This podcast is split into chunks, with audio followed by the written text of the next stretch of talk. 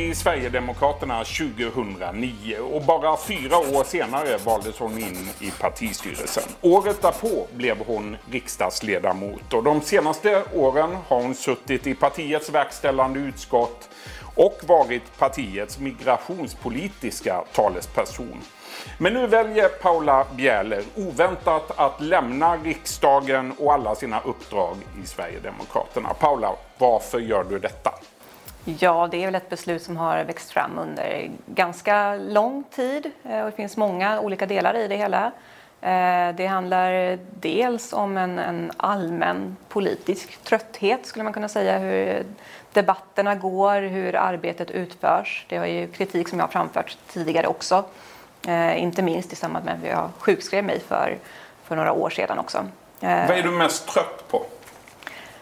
Jag har någonstans fortfarande inom mig en förhoppning och en syn på politik som ett, ett hantverk där man faktiskt söker lösningar och arbetar mer konstruktivt och, och lyssnar på varandra och tar fram just enskilda... Man ser på problem, man analyserar de problemen och så tar man fram lösningar på dem gemensamt och tar, tar med sig sina olika värderingar in i den problemlösningsmodellen. Eh, väldigt mycket av politiken idag är vad jag skulle kunna säga snarare av ett eh, spel för, eh, för att vinna opinionsframgångar, eh, för att vinna väljare. Man gör utspel, man motionerar år efter år om motioner som inte har någon som helst möjlighet att gå igenom, vilket man vet på förhand, men för att man ska kunna visa upp snygga siffror för media att rapportera om eller för sig själv att kunna stoltsera med. Eh, och det är inte den sortens eh, hantverk som jag vill vara del av, utan jag vill göra skillnad på riktigt. Måste man som politiker idag vara en del av det där spelet?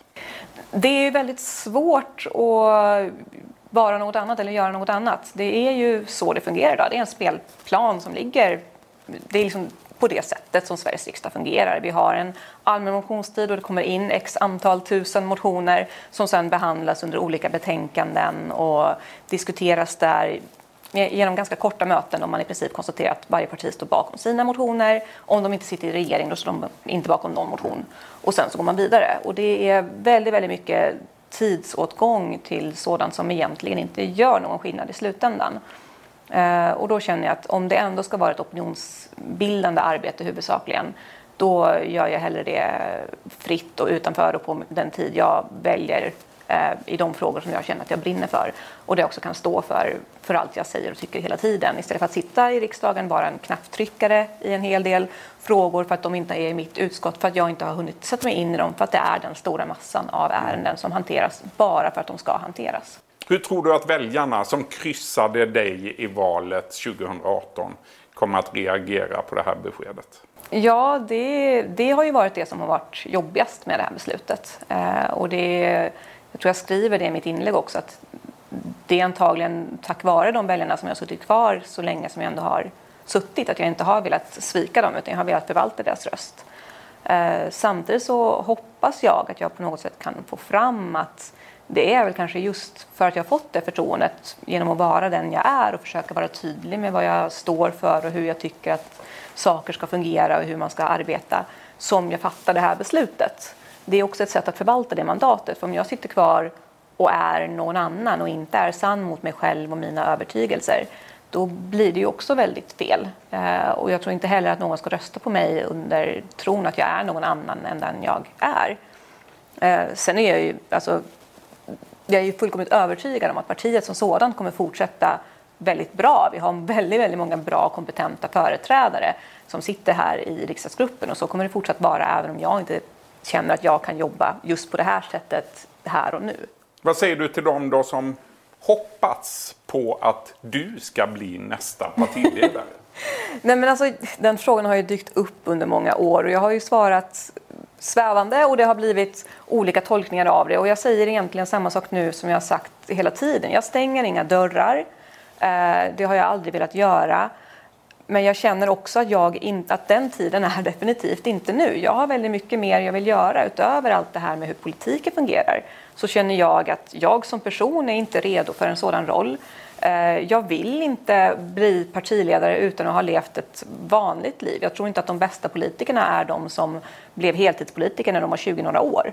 Utan jag tror att man blir en bättre politiker, man har bättre förankring till den verklighet man ska fatta beslut om. Om man har hunnit eh, studera klart, jobba några år med vanligt, stadga sig, bilda familj, hitta sin egen person utanför den här galna världen som politiken på många sätt är. Mm. Du skriver i ett Facebook-inlägg eh, nu idag eh, att du varit nära att överträda dina principer och att du börjat gå i otakt med partiet. På vilket sätt då? Nej, men dels har det ju handlat om vissa frågor. Det är ingen hemlighet att jag har kritiserat en del av de rent sakpolitiska förändringar som skedde i höstas och då kanske framförallt också hur de besluten togs, vilka argument som fördes fram. Det, det som de flesta kanske tänker på där som har lyfts upp är väl just eh, abortfrågan. Att vi har... Hur avgörande har de här eh, frågorna varit för dig när du nu fattar det här beslutet? Alltså sakfrågorna i sig, att det, att det finns enskilda sakfrågor där jag inte håller med partiet, det är en självklarhet. Partier fungerar på det sättet, åtminstone i Sverige, att, att man står för liksom hela kollektivets åsikter när man röstar och tycker. Vi har inte det mer som ett fundament och sen så röstar man efter eget samvete. Och så det har jag ju varit beredd på hela tiden. Men det är klart att det tär över tid. När det blir fler frågor så tär det också. Uh, och sen är jag också upplevde det som att många av de motioner och mycket av de argument som användes i just debatten om exempelvis det här handlade om eh, att man vill eh, ja, man lyssnar på vad väljare önskar eller man lyssnar på vad medlemskåren numera säger eh, så kan jag ha förståelse och respekt för det. Och som sagt, så som partisystemen ser ut, så som politiken ser ut i Sverige, så är det säkerligen ett, ett gott beslut. Men för mig personligen så byter jag åsikt när jag hittar argument i sak som förändrar dem.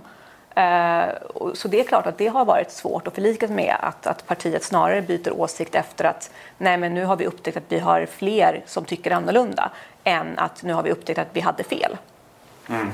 Är det ett felaktigt är det en felaktig strategi, tycker du, av partiledningen? Det är svårt för mig att avgöra. Det går ju uppenbart väldigt bra för partiet just nu så att eh, jag vill inte säga att det är felaktig men det är en, en strategi som jag har svårt att vara del av. Mm. För några veckor sedan ansökte du om tjänstledigt för att åka på en bröllopsresa med din blivande make. Riksdagen sa nej. Eh, hur avgörande var det för att ditt beslut kommer just nu? Jo, men det var ju avgörande för tidpunkten. Eh, jag har ju som sagt, det är ett beslut som har växt fram under, under lång tid och jag har eh, tvekat och jag har funderat och jag har inte riktigt helt vetat vart det ska sluta. Jag funderade ett tag på om det kanske räcker om jag lämnar partistyrelsen och blir vanlig ledamot. Eh, någon gång i, i vintras så kom jag på mig själv med att jag flera dagar i rad nästan har sagt till mig själv att jag önskar att jag vågade lämna helt. För att för det känns inte bra just nu. Och sen så när jag sagt det till mig i några dagar så kom jag fram till att men om jag känner så här då, då borde jag verkligen lämna. Eh, och då var det ju också frågan om okej, okay, men när gör jag det? Uh, jag hade väl velat sitta åtminstone terminen ut, kanske ännu hellre hela migrationsutredningen ut, inte minst eftersom jag har satt mig in i de frågorna. Det är frågor som jag brinner för på många sätt och har varit med och utvecklat väldigt mycket av partiets politik kring. Um, Varför blir det inte så då? Nej, men för att samtidigt så känns det någonstans, har jag väl bestämt mig för att lämna, då försvinner en del av motivationen direkt. Uh, och om jag då dessutom har fått nej på att resa, för att få ledigt under en tid då jag tänker resa bort alldeles oavsett. Det, I min värld så finns det inte på kartan att jag skippar min egen smekmånad. Um, och, och samtidigt så har jag väldigt, väldigt svårt för känslan av att tänk om någon votering går fel för att jag är frånvarande. Um, lönen skulle jag ju fått om jag reste ändå. Den hade jag ändå planerat att skänka bort i så fall. Men just det här att, att det skulle kunna hänga på mig hur besluten här fattades. Eh, det kändes inte bra och jag tror att jag redan innan eh, julledigheten när jag först hade lämnat in min, min ansökan så tror jag att jag sa till vår gruppledare i förbifarten att ja, men, om det blir så att jag får ett nej, då kan jag ju lämna en, en avsägelse hos er så, så kan ni lämna in den utifall att det skulle komma någon misstroendevotum eller något sådär viktigt så att en ersättare hinner komma in. Men då känns det ändå bättre att jag skulle fortfarande ha det naggande i bakhuvudet under, under resans gång. Och det känns helt enkelt fel att sitta kvar. När jag ändå tänker lämna, när den risken finns att någonting går fel och när det skulle vara där som en, en, ja, en påminnelse någonstans i bakhuvudet som skulle förhindra att jag kunde vara fullt ut på min smekmånad med min make, vilket jag tycker är det enda, enda sättet att inleda ett äktenskap. Då är det bättre att lämna redan nu. Hur tror du att bilden av Sverigedemokraterna påverkas när en ledande kvinna, en av ganska få ledande kvinnor i partiet, väljer att lämna? Ja, det är väl svårt för mig att svara på. Eh, det jag vet helt säkert är att jag för egen del så skulle ju bilden av partiet försämras om en kvinna satt kvar bara för att hon var kvinna. Det går lite grann i linje med den kvoteringskritik som jag har framfört under hela min politiska bana och även dessförinnan. Eh, och det har ju också varit en sådan sak som har gjort att jag, det är ingenting sådant som jag kan ta hänsyn till eller har funderat över i det här läget. För att då skulle jag landa i den, den roll att jag själv börjar se mig framförallt som kvinna och det vägrar jag göra. Är det svårare att vara kvinna än man? Och det... förtroendevald i Sverigedemokraterna? Nej, det tror jag inte i Sverigedemokraterna. Alltså, jag har ju bara varit kvinna så jag vet ju bara mina erfarenheter. Eh, men nej, ja, det, det svåraste är väl att man får den här sortens frågor ja. mer istället för att prata om politiken i lugn och ro. Efter valet 2018 fick Sverigedemokraterna 18 kvinnor och 44 män i riksdagsgruppen. I partistyrelsen sitter det idag fem kvinnor och 14 män. Mm. Vad tänker du om den fördelningen? Är den problematisk eller är det inte? Alltså det är problematiskt på det sättet att det återspeglar att vi fortfarande har ett, ett, eh, att vi ligger efter bland kvinnor. Att det inte är lika många kvinnor som röstar på partiet, som engagerar sig och som har byggt upp en erfarenhet och ett namn för sig så att de kommer på de positionerna. Vad beror det på då? Jag tror att den sortens eftersläp, det tar ett tag att komma, komma ikapp. Sen är det ju jag menar, det är ju skillnader i viss del i politik och i frågor hos, eh, hos alla partier. Det är väldigt sällan jag hör frågan till, ställas till mer av de gröna partierna eller vänsterpartierna att är det ett problem att ni har ett mansunderskott? Um, så att det, det, är väl till viss del både politiskt, historiskt, men det är klart att det är ett problem för oss där vi inte lyckas nå ut till kvinnor i samma utsträckning som vi når ut till män. Uh, för det är jag fullkomligt övertygad om att vår politik egentligen har kapacitet att göra. 2011 kom du till riksdagshuset, först som politisk sekreterare hos Mattias Karlsson och du har haft många olika positioner här. 2014 valdes du in på ett eget mandat. Eh, vad är du mest stolt över att ha åstadkommit under de här åren? Oj, Ehm, det är ju många långa år. Men jag vill, jag vill väl ändå tro att jag har eh, bidragit både till en, en eh, förhoppningsvis eh, till en ökad respekt för Sverigedemokraterna, visat att det finns personer här som har ett, ett brinnande engagemang för frågor som bryr sig på riktigt och som sätter sig in i frågor. Det har ju inte jag gjort ensam såklart, utan det är vi väldigt många som har jobbat med. Eh, sen är det ju klart att jag, jag är stolt över hur vår migrationspolitik har utvecklats, att vi har tagit eh, tydliga ställningstaganden och också visat på ett bredare sätt att vi faktiskt har genomtänkt politik. Och när man sen hör hur andra partier i princip ibland tar våra argument rakt av så är det klart att man kan vara både stolt och frustrerad på samma gång. Den 17 oktober 2016 då blev du sjukskriven för utbrändhet. Du var borta i flera månader. Hur påverkades du av det som hände då? Um, jag tror att jag blev ännu bättre på att faktiskt våga lyssna på mig själv och att liksom lova mig själv att när jag är tillbaka här så, så ska jag vara lite mindre eh, anpassningsbar efter vad andra tycker och tänker och säger och ber mig göra hela tiden. Och mer just lyssna på mitt eget samvete, mina egna övertygelser, uh, säga ifrån kanske mer om jag tycker att någonting är fel, uh, stå upp för det jag tycker är rätt helt enkelt. Uh, och också att våga prioritera mitt privatliv mer. Att ägna tid åt livet hemma. Att återuppta intressen som har fått ja, ligga på hyllan medan man fastnade i den här stora karusellen. Ett intresse är matematiken. Du ska sätta dig i skolbänken igen och siktet är en fil. kand. Eh, varför då? ja, dels har jag ju pluggat i en herrans massa år fast lite utspritt och det vore väldigt skönt att få åtminstone någon examen avslutad. Eh, sen eh, är det ju ett intresse, jag har ju alltid haft eh, lätt för många skolämnen men då kanske framförallt just matematik. Jag tycker det är väldigt eh, givande ämne. Eh, när jag var sjukskriven så satte jag mig faktiskt i, i eh, skolbänken eller universitetsbänken ett tag där också tills jag fick osäkra bud från Försäkringskassan gällande om jag fick göra det eller inte medan jag var sjukskriven. Men jag kände redan då att det här var fantastiskt roligt. Jag hade saknat det väldigt mycket.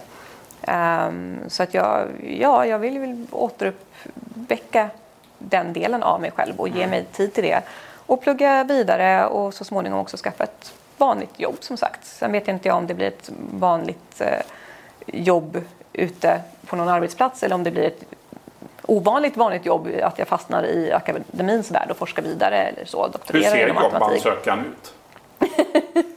Just nu så tittar jag på allt möjligt och det är ju både kopplat till eh, sommarjobb och, eh, och inkomster för att dryga ut eventuella CSN-medel till hösten. Den här terminen får jag inte ta några för att riksdagslönen är så pass hög så att jag har slagit i fribeloppet redan. Mm. Um, men för att ja, dryga ut eh, kassan och så. Och sen så tittar jag på... Nej men jag är intresserad av, av ganska mycket. Jag tror att Helst av allt vill jag ha någonting med kanske lite mer normala arbetstider och kanske inte fullt så offentligt som det har varit den senaste tiden. Vad har varit jobbigast med det offentliga? Det är väl just det att, att man hela tiden förväntas vara tillgänglig och stå till svars för andra och svara på meddelanden eller att folk ska tycka till om och att, att ja, om jag går i min ICA-butik så är det någon som kommer fram och börjar ställa frågor om politik helt plötsligt ibland. Eh, det är nog skönt att vara lite privat ett tag. Och sen så är det väl också så, inte minst givet att jag har haft en så pass framträdande roll i ett politiskt parti, så tror jag också att det blir svårt att ha en annan offentlig roll utan att ha någon slags karantäntid eller distans däremellan för att visa att jag går från en roll till en annan. Mm. På skottdagen den 29 februari, då gifter du dig med Tim. Och sen eh, åker ni på bröllopsresa till Nya Zeeland och till Los Angeles. Den här resan som eh, du inte fick ledigt för. Nej. Men nu kan du åka i alla fall. Eh, ja, vad ser du mest fram emot med den resan? Att vara gift. Att vara gift? ja. Mm. Nej men det är klart att det ska bli helt fantastiskt att få, få resa med min make och få både ha massa roliga, härliga, galna upplevelser och äventyr i Nya Zeelands eh, natur och vildmark och, eh, och i Los Angeles. Men också just att få, få ha tid då det bara är vi två, då jag inte är en offentlig person längre. Eh, då han är ledig från sitt jobb och då jag inte har något jobb att vara ledig från utan då vi bara kan fokusera på varandra och prata igenom allt från eh, barn till bosparande till vad vi vill mm. framöver. Mm.